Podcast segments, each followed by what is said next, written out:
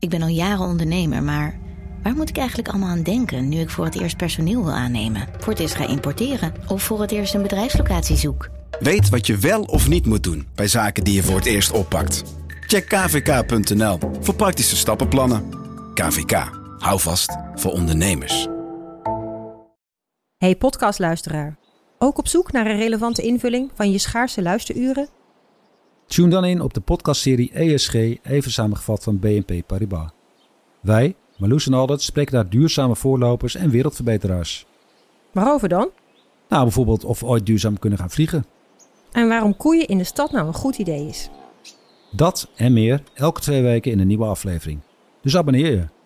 ESG, even samengevat. Voordat we beginnen, eerst even dit. Ik wil je graag bedanken dat je luistert. Gisteren is onze podcast de grens van 6 miljoen downloads gepasseerd.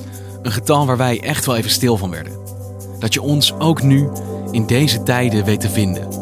Dank je wel. Oké, we gaan beginnen. Vanaf de redactie van NRC het verhaal van vandaag.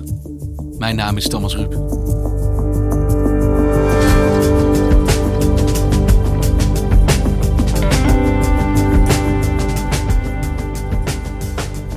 Uitweg uit de coronacrisis is nog niet bedacht. Maar scenario's, theorieën en steeds weer veranderende voorspellingen zijn er genoeg. Deze zogeheten exit-strategieën worden bedacht en becijferd door een groep wetenschappers die samen zoeken naar een oplossing. Redacteur Carola Houtkamer mocht een kijkje nemen in hun gedeelde appgroep. Hoe zien zij onze toekomst?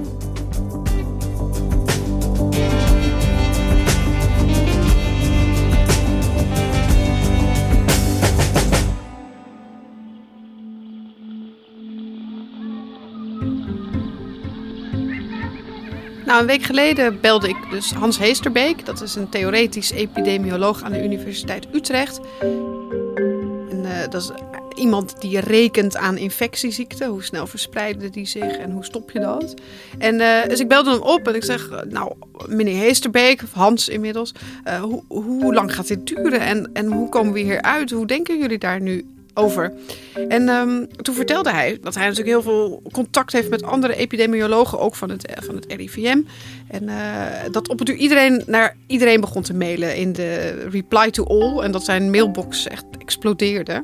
Toen dacht hij, nee, dat, zo kunnen we niet overleggen over hoe we, hoe, hoe we hieruit gaan komen. Toen heeft hij een Slack-groep uh, geopend. Dat is zo'n digitaal overlegplatform. En dan kun je daar met elkaar praten in verschillende thema's onder verschillende kopjes. En uh, binnen no time zaten er iets van 40 uh, epidemiologen in, uh, wiskundigen en modelleurs en ook een paar psychologen, die moeten natuurlijk ook meedenken. En één iemand in die Slack-groep die ook rekent, dat is een hoogleraar van het Erasmus MC, Zaken de Vlas. Nou, de, de, de kern van deze groep, dat zijn echt infectieziekte-modelleurs. Uh, en uh, daar, daar, ben ik zelf ook. En dat is allemaal epidemiologisch getint. Uh, maar er zit ook een hele verzameling ja, satellietterreinen bij. Dat zijn bijvoorbeeld mensen die meer over de psychologie weten van mensen, zodat je gedragsaspecten erin kunt betrekken. En die overleggen nu eigenlijk voortdurend over hoe, hoe gaan we hier uitkomen en wat is dit voor ziekte? En wat is dit voor een baan? Wie zijn die theoretische epidemiologen? Ja, dat zijn uh, hoogleraren en onderzoekers. En die zitten in kantoortjes op uh, universiteiten. Of die doen veldonderzoek. Die gaan een tijd naar, naar, naar. Ik had er eens gesproken. Die was een tijd in China geweest. Om aan SARS te rekenen. Of mensen gaan naar Afrika een tijd om aan ebola te rekenen. Hoe, hoe, hoe, bestrijden we ebola? En veel van deze mensen maken modellen, computermodellen, die ze de hele tijd bijstellen. Um, op basis van uh, data die ze uit het veld halen. Van hoe goed werken sommige maatregelen? Stopt dan de verspreiding? Of werken deze maatregelen eigenlijk tegen? En hoe loopt zo'n ziekte eigenlijk door de bevolking? Dus zij zien die ziekte eigenlijk als heel, uh, ja, als een soort uh, heel getalsmatig.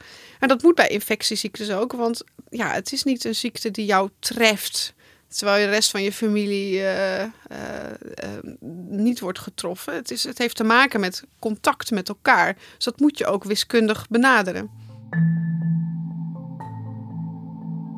En ik kan me indenken dat als een sporter misschien zijn hele carrière traint voor dat moment op de Olympische Spelen, dat dit voor epidemiologen de Olympische Spelen is. Ja, het is hun finest hour. Behalve dat, dat het aan allerlei soorten kennis ontbreekt. Dus heel veel basale kennis die nodig is om die, om die modellen goed te vullen, die is er nog niet. En je hebt nu dus een groep wetenschappers die zich verzameld heeft in een Slack-groep en dus aan het rekenen is geslagen. Maar dit staat los van het RIVM. Nou, kijk, nee, dat staat niet los van het RIVM. Die mensen kennen elkaar goed. En die modelleurs van het RIVM, die zitten ook in die Slack-groep. Dus die denken natuurlijk mee. Het moet allemaal nog wel een beetje op gang komen. Uh, want ze willen natuurlijk heel graag de data van het RIVM hebben, alle data, om mee te kunnen rekenen. Maar er zijn ook wel serieuze privacy issues. Je kunt dat ook niet zomaar in een Slack-groep kieperen. Daar, daar moet wel, ja, nou, daar moet wel over nagedacht worden. Wij zitten nu te wachten op wat meer coördinatie vanuit het RIVM. Uh, het plan is om heel specifiek uh, bepaalde onderwerpen te identificeren waar dan echt over wordt uh, gesproken met z'n allen. En daar zie ik erg naar uit. Dat wordt heel erg leuk in principe was het een wederzijdse vraag. Want wij hebben best wel capaciteit tekort om, om eigenlijk de scenario's voor heel Nederland voor de komende uh, drie jaar uit te denken. En de wetenschappers zeggen, nou, oké, wij denken wel mee. En uh, graag, en dat bieden wij aan. Maar het is een soort handjevol wetenschappers dat zich de eelt op de hersenen aan het rekenen is om te bepalen wat de toekomst van Nederland gaat worden. Ja, en ik, normaal, als je bij een, weet ik veel, een provinciale statenvergadering zit of zo, dan wordt er echt, dan als er een fietspad moet komen, dan moet er een impactstudie komen en een omgevingsvisie en een plan. En dan moet er nog eens een uh, ingenieursbureau een drie maanden aan gaan rekenen. En nu is het even, oké jongens, wat gaan we doen met heel Nederland de komende twee jaar? Nu. Het is echt, het is niet te overzien. Want jij bent met deze mensen gaan spreken. Jij hebt een kijkje mogen nemen in deze Slack-groep. Uh, wij horen hier de laatste tijd best wel wat optimistische berichten. Dat het eigenlijk redelijk lijkt te gaan. De IC zitten niet zo vol als gevreesd. De ergste scenario's zijn niet uitgekomen. De piek is iets lager misschien dan we dachten.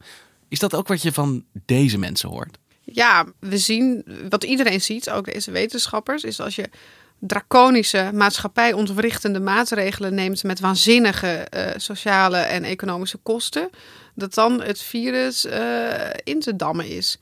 Dat is goed nieuws. Maar hmm. de vraag die zich dan meteen opdringt is: hoe lang ga je dit doen en hoeveel is nodig? En welk antwoord borrelt dan op bij deze groep breinen op die vraag waar iedereen op dit moment natuurlijk mee zit? Hoe lang gaat dit duren? Ja, dan, dan borrelt toch wel op dat dit wellicht één of twee jaar kan duren. Tenzij je een soort eh, miraculeuze fix vindt. Maar dat zeggen zij. Uit deze groep komt dat. Ja, twee jaar. En dat zijn niet paniekerige mensen die. Dat zijn hele kalme, beheerste, relatief montere wetenschappers. Die dat dan toch wel. Uh, ja, die zeggen: van, dit gaat gewoon nog heel lang duren. Maar het is ook logisch, hè, als je denkt van. Ik probeer het te vergelijken met een vuurtje wat brandstof nodig heeft. En het virus is het vuurtje en de brandstof is alle mensen die nog niet besmet zijn geweest.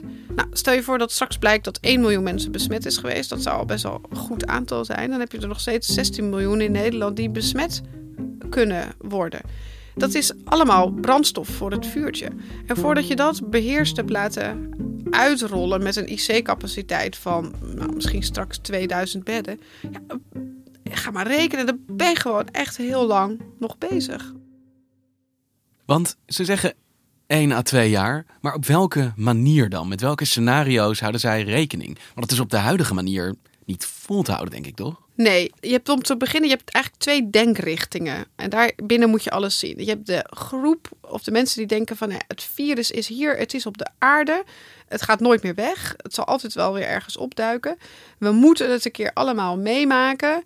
Um, totdat we genoeg immuniteit hebben opgebouwd. En dan dooft het een beetje uit. En als het dan opflakkert, dan, dan is het niet zo erg, want dan is er immuniteit.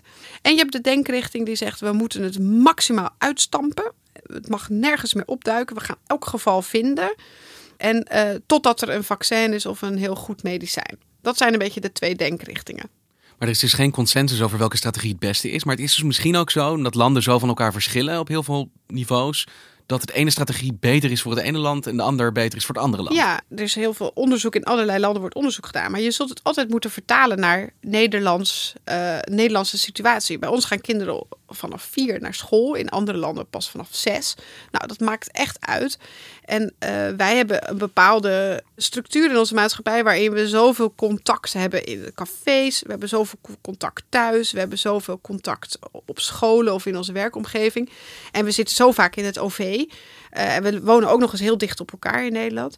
Dat is echt heel ander verhaal dan bijvoorbeeld Noorwegen. Wat misschien de steden van Noorwegen niet, maar het platteland van Noorwegen. Daarvan is de structuur van de maatschappij gewoon heel anders. En dat maakt natuurlijk heel erg uit voor je verspreidingsmodel.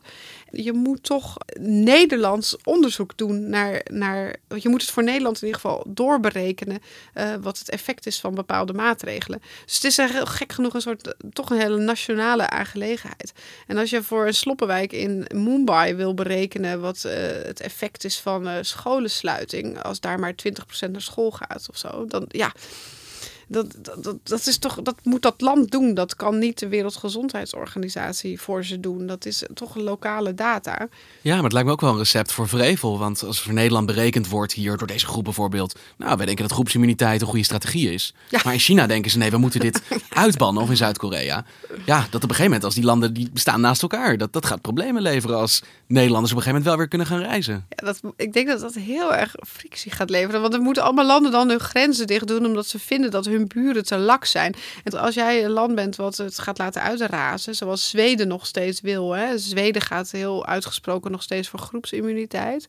Nou, er zijn die Scandinavische buurlanden, die vinden dat echt waanzinnig. Die denken, wat zijn jullie aan het doen, man? Jullie terrassen zijn gewoon nog open. Hoezo? En straks komen al die besmette mensen ons land binnen. Wij willen dat niet. Opeens is, zijn landsgrenzen weer zo belangrijk geworden. En los van welke strategie je kiest, is voor iedereen wel die stip op de horizon uiteindelijk een vaccin? Ja, en er is ook wel uh, reden tot optimisme over de komst van een vaccin. Maar als je het vindt, dan moet je het echt heel goed gaan testen. En niet even een weekje dan kijken wat er gebeurt. Je moet dan toch wel de protocollen volgen van wat is een veilig vaccin. Want je gaat het namelijk ook uh, in kwetsbare baby's spuiten. En in allemaal mensen die, uh, die, die, die gezond zijn. Kijk, op het moment dat je heel ziek bent en misschien wel gaat sterven, dan is heel onerbiedig gezegd de drempel om een medicijn op jou te proberen ietsje lager. Want dan is het echt, hè, misschien kan het je redden. En uh, we gaan het toch even proberen. Maar in het geval van een vaccin is dat niet zo. In het geval, je, je, spuit het echt in gezonde mensen. En in heel veel gezonde mensen. Dan moet je toch weten wat het op de lange termijn met die gezonde mensen doet. Dus je kunt, daar geen, uh, je kunt dat niet afsnijden, dat traject. Um, en dan is er nog een probleem, want er is ook nog de theoretische kans dat we het nooit gaan vinden voor HIV. Uh, is uh, in 40 jaar tijd nooit een vaccin gevonden. En daar zit echt onderzoekscapaciteit in. Daar is echt wel naar gezocht. Dus het is, het is goed om daar om optimistisch over te zijn, maar ook terughoudend en realistisch. En ook na te denken over exit-strategieën waarin het vaccin niet in het voorjaar van 2021 op grote schaal beschikbaar is. Nee, Carola, deze situatie is natuurlijk nieuw. Komen hier ook nieuwe oorspronkelijke ideeën uit? Ja, ze bedenken zelf van alles. En ze kijken natuurlijk ook naar allerlei andere landen wat daar wordt bedacht. En één daarvan zegt, ja, moeten we dan een, twee, een tweedaagse werkweek? Dus dat je het land in cohorten verdeelt. En jij mag dan op maandag en dinsdag werken. En jij op, uh, op, uh, op woensdag en donderdag. Dat je om beurten gaat werken? Ja, bijvoorbeeld. En, uh, en dat je de rest van de tijd in lockdown zit. Of je laat iedereen op maandag en dinsdag werken. En dan doe je vijf dagen lockdown hey, je kunt het zo gek niet bedenken. Maar dit rekenen zij uit, wat daar bijvoorbeeld het effect van zou zijn. Dat, ja, zeker. En wat nog meer? Nou, een van die mogelijkheden om hier uit te komen, en dat is een soort idee van regionale uh, opheffen van maatregelen. Daar heeft Zaken de Vlas aan gerekend. Dus dan heb je het over bijvoorbeeld een land. En dat verdeel je dan in uh, stukken. Wij hebben in ons voorbeeld gekozen voor tien stukken. Dus je zou bijvoorbeeld aan provincies uh, kunnen denken. En het idee is dan om die interventies die nu gelden, of in een enigszins afgezwakte vorm, dat mag ook, dat je dat laat gelden voor het hele land, behalve één provincie. Dus je laat het land niet in één keer los. Je heft niet in één keer de maatregelen op. Maar je laat het virus per regio uitwoeden. Zodat daar uh, groepsimmuniteit ontstaat. Je beschermt dan wel de ouderen en de kwetsbaren. En dan, en dan dan heb je wel de IC-capaciteit van heel Nederland. Dus je kunt dan die zieken verdelen. En als zodra zij klaar zijn, doe je regio 2.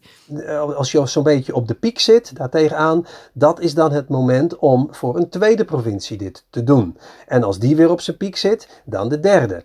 En uiteindelijk ga je dan zo'n heel land door. En aan het eind is de hele bevolking beschermd door de groepsimmuniteit.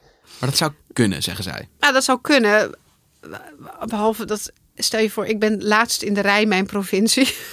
ik ben er helemaal klaar mee met die lockdown. Dan ga ik misschien wel stiekem verhuizen naar de regio die al wel geweest is. Dat is dan natuurlijk allemaal niet de bedoeling. Nee, ik bedoel, de implicaties van zo'n model zijn natuurlijk waanzinnig. Zeker voor die provincies, als we het daar even toe beperken, uh, uh, die aan het eind zitten, ja, duurt het heel erg lang voordat ze aan de beurt zijn. Dus dat maakt het wel een, een controversieel uh, plan. Kijk, Brabant had ook als eerste maatregelen. En uh, misschien, uh, Brabant is al het verst over de piek. En misschien mag in Brabant wel snelst wat maatregelen eraf. Dus zo regionaal verdelen om te kijken van wat gebeurt daar nou. En moeten we het dus voor de volgende regio een beetje bijstellen of juist een beetje scherper maken. Dat is helemaal niet eens zo'n gek idee.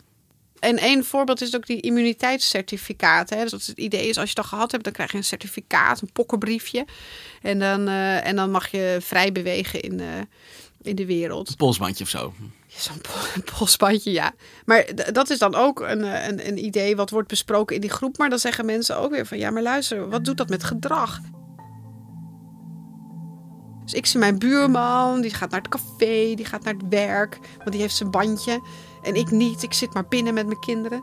En die wordt natuurlijk, die gaat, die wordt binnen, dat houdt hij misschien twee weken vol op zijn tandvlees. Maar in week drie zegt hij, ja, rot op. Ik ga ook gewoon meedoen met de maatschappij. Mijn bedrijf gaat kapot. Ik heb geen uh, inkomen meer. Dus dat met gedragsmatig is dat misschien, dat creëert zo'n tweedeling in je maatschappij. Ik weet niet of je dat wil. En wat dat op de lange termijn doet met de maatschappij. En uh, nog een voorbeeld uh, van een strategie is dus dat je misschien per leeftijdscohort de maatregelen opheft. Zodat je eerst de kinderen uh, weer naar school stuurt, omdat die toch een wat kleinere rol lijken te hebben in, in de pandemie. Hè. Dat, dus dat je die eerst loslaat en dat je het dan opschroeft. Hè. En dan de studenten weer naar de universiteiten, want die besmetten elkaar misschien wel, maar die worden er gemiddeld genomen niet zo ziek van. Dan ga je over naar de werkende mensen. Uh, die hebben al wat grotere kans om echt ernstig ziek te raken van het nieuwe coronavirus. En dan werk je zo langzaam toe aan uh, nou ja, ook meer bewegingsvrijheid en meer groepsimmuniteit. Uh, dat, is ook, dat is ook een uh, manier waarop je het zou kunnen doen. Want dit zijn het allemaal wilde theorieën en zij rekenen er lustig op los. Maar komen zij ook straks met besluiten of met zijn minst dwingende adviezen van Nederland, dit moeten we doen. We hebben het uitgerekend. Nee, dat is denk ik niet uh, de rol van uh, wetenschappers. En zo zien zij dat zelf ook niet. En mensen die, die nu rekenen aan van hè, dit zou mogelijk exit-strategie zijn, een mogelijk scenario om hier uit te komen. Die zeggen zelf ook van ja, wij vertellen niet dat het zo moet. Want het, heeft allemaal waanzinnige complicaties voor je land en, en de maatschappij. Maar wij geven een soort van de bandbreedte aan van waarbinnen je kunt denken. Wat ik uh, altijd heel belangrijk vind, is um, dat we ervoor moeten waken dat um, de berekeningen die worden gedaan door um, mensen zoals ik, door de modellenmakers, dat dat uh, één kant van het verhaal is. er komen altijd andere kanten bij. En je kunt natuurlijk wel zeggen als, uh, als, als overheid of als proefballon van ja, maar dan doen we gewoon uh, de horeca wel open, maar dan doen we geen Lowlands. Dat klinkt goed, maar als je niet weet wat dat betekent voor de mogelijke infecties die je dan misschien in het najaar krijgt, ja, dan, dan, dan kun je dat ook niet besluiten. Je moet het berekenen een keer. Maar ja. zij nemen uiteindelijk niet de beslissing, want dat is aan de politiek. Ja, eerst heb je het Outbreak Management Team van het RIVM. Die, dat is het officiële adviesorgaan. En daar luistert dan de politiek naar. En dan moet het kabinet een beslissing nemen. En daar moet het parlement dan vervolgens ook nog iets van vinden. Maar uiteindelijk is het toch de politiek die daar een knoop in moet uh, doorhakken. En ik vind zelfs dat uh, het best zo zou kunnen zijn dat wij berekenen dat iets absoluut de beste strategie is. Maar als het duidelijk wordt dat de bevolking daar niet veel voor voelt, of dat die daar uh, dat al snel zat zal zijn en dan niet meer meewerkt, ja, dan moet er toch voor iets anders worden gekozen. Maar ik heb er vrede mee, ik beslis niet. En ik ben ook blij dat ik dat niet hoef te doen. Dus het kan zo zijn dat straks Mark Rutte een soort menukaart krijgt met opties die geboren is in deze Slack-groep. Dat kan heel goed, ja. Dankjewel, Carola.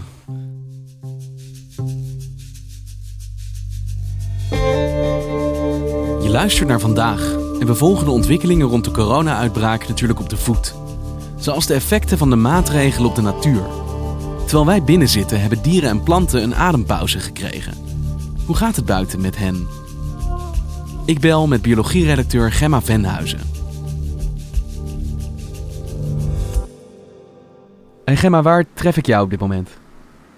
Uh, ik zit lekker in mijn achtertuin. Ik heb net al allemaal lieve heersbeestjes voorbij zien komen. En er vlogen ook wat halsbandparkieten door de buurt. Dus uh, het is alsof ik op safari ben in mijn eigen tuin. Ja, want jij schrijft voor NRC over de natuur, over flora en fauna. Uh, wat is het effect van ons binnenblijven, van de manier waarop we ons nu gedragen tegenwoordig op onze natuur? Nou, je hebt misschien wel filmpjes voorbij zien komen van een uh, dorpje ergens in Groot-Brittannië waar de geiten uh, het stad of het dorpscentrum binnenkwamen. En in Italië schijnen er ook wel wilde zwijntjes al de dorpsstraten te verkennen. En is dat in Nederland op dit moment ook al te zien, dat soort tafereelen? Ja, als je specifiek naar Nederland kijkt, ik heb een aantal verschillende experts gesproken en er zijn wel verwachtingen. Hè? Want de natuur gaat gewoon zijn gang. En uh, zal misschien niet eens merken dat er een coronacrisis gaande is. Maar een gevolg van dat wij minder plek innemen, kan natuurlijk wel zijn dat dieren op plaatsen komen waar ze normaal niet zo snel komen. Het schijnt dat er momenteel op en rond de Nederlandse snelwegen bijvoorbeeld al wel meer dieren dan normaal uh, worden waargenomen. Er was laatst zelfs een lammetje dat ergens in de buurt van Amersfoort uh, zomaar de snelweg ophuppelde. En zijn er ook diersoorten die er geen voordeel van ondervinden, die ons eigenlijk missen? Ja, dat, dat hoop je toch, hè, dat we toch voor sommige dieren wel een warm plekje in hun hart hebben ingenomen. Nou, ja. dat geldt bijvoorbeeld voor uh, dieren die nauw met ons samenleven. Denk dieren die veel in de stad voorkomen. Uh, stadsduiven, uh, ratten, maar ook meeuwen. Ik sprak de Amsterdamse stadsecoloog Remco Daalder. En hij zei dat het opviel dat hier in Amsterdam er al veel minder meeuwen dan normaal te zien zijn. Normaal kunnen die lekker snacken op al die overvolle vuilnisbakken met restjes friet. En nu die veel leger zijn dan normaal, lijkt het alsof ze landelijker gebied opzoeken. Alsof ze meer in de wijde omgeving naar voedsel moeten zoeken dan, dan normaal. En er zijn zelfs speculaties of hoofdluizen nu ook gaan uitsterven, omdat er niet zoveel kinderen meer dicht bij elkaar komen met hun hoofdjes. Maar ik verwacht dat dat niet zo'n zo'n vaart zou lopen. Hey, we gaan nu een hartstikke zonnig paasweekend tegemoet, maar tegelijkertijd horen we eigenlijk niet naar buiten te gaan. Hoe moet je dat dan doen als je toch een beetje natuur wil zien? Nou, het goede nieuws is dat jouw huis en dat van iedereen al barst van de natuur.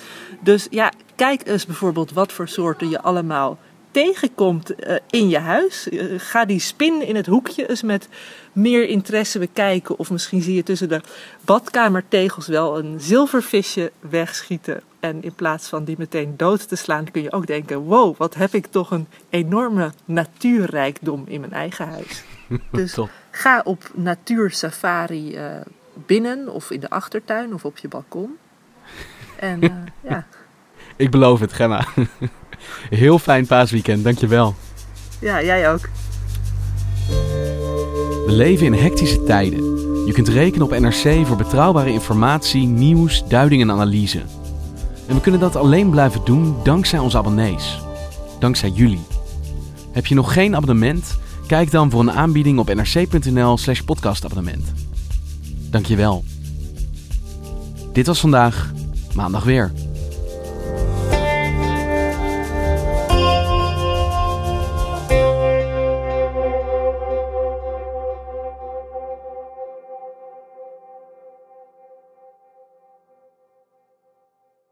Technologie lijkt tegenwoordig het antwoord op iedere uitdaging. Bij PwC zien we dit anders. Als we de potentie van technologie willen benutten, kunnen we niet zonder een menselijk perspectief. Human-led, tech-powered noemen we dat. Ga naar pwc.nl.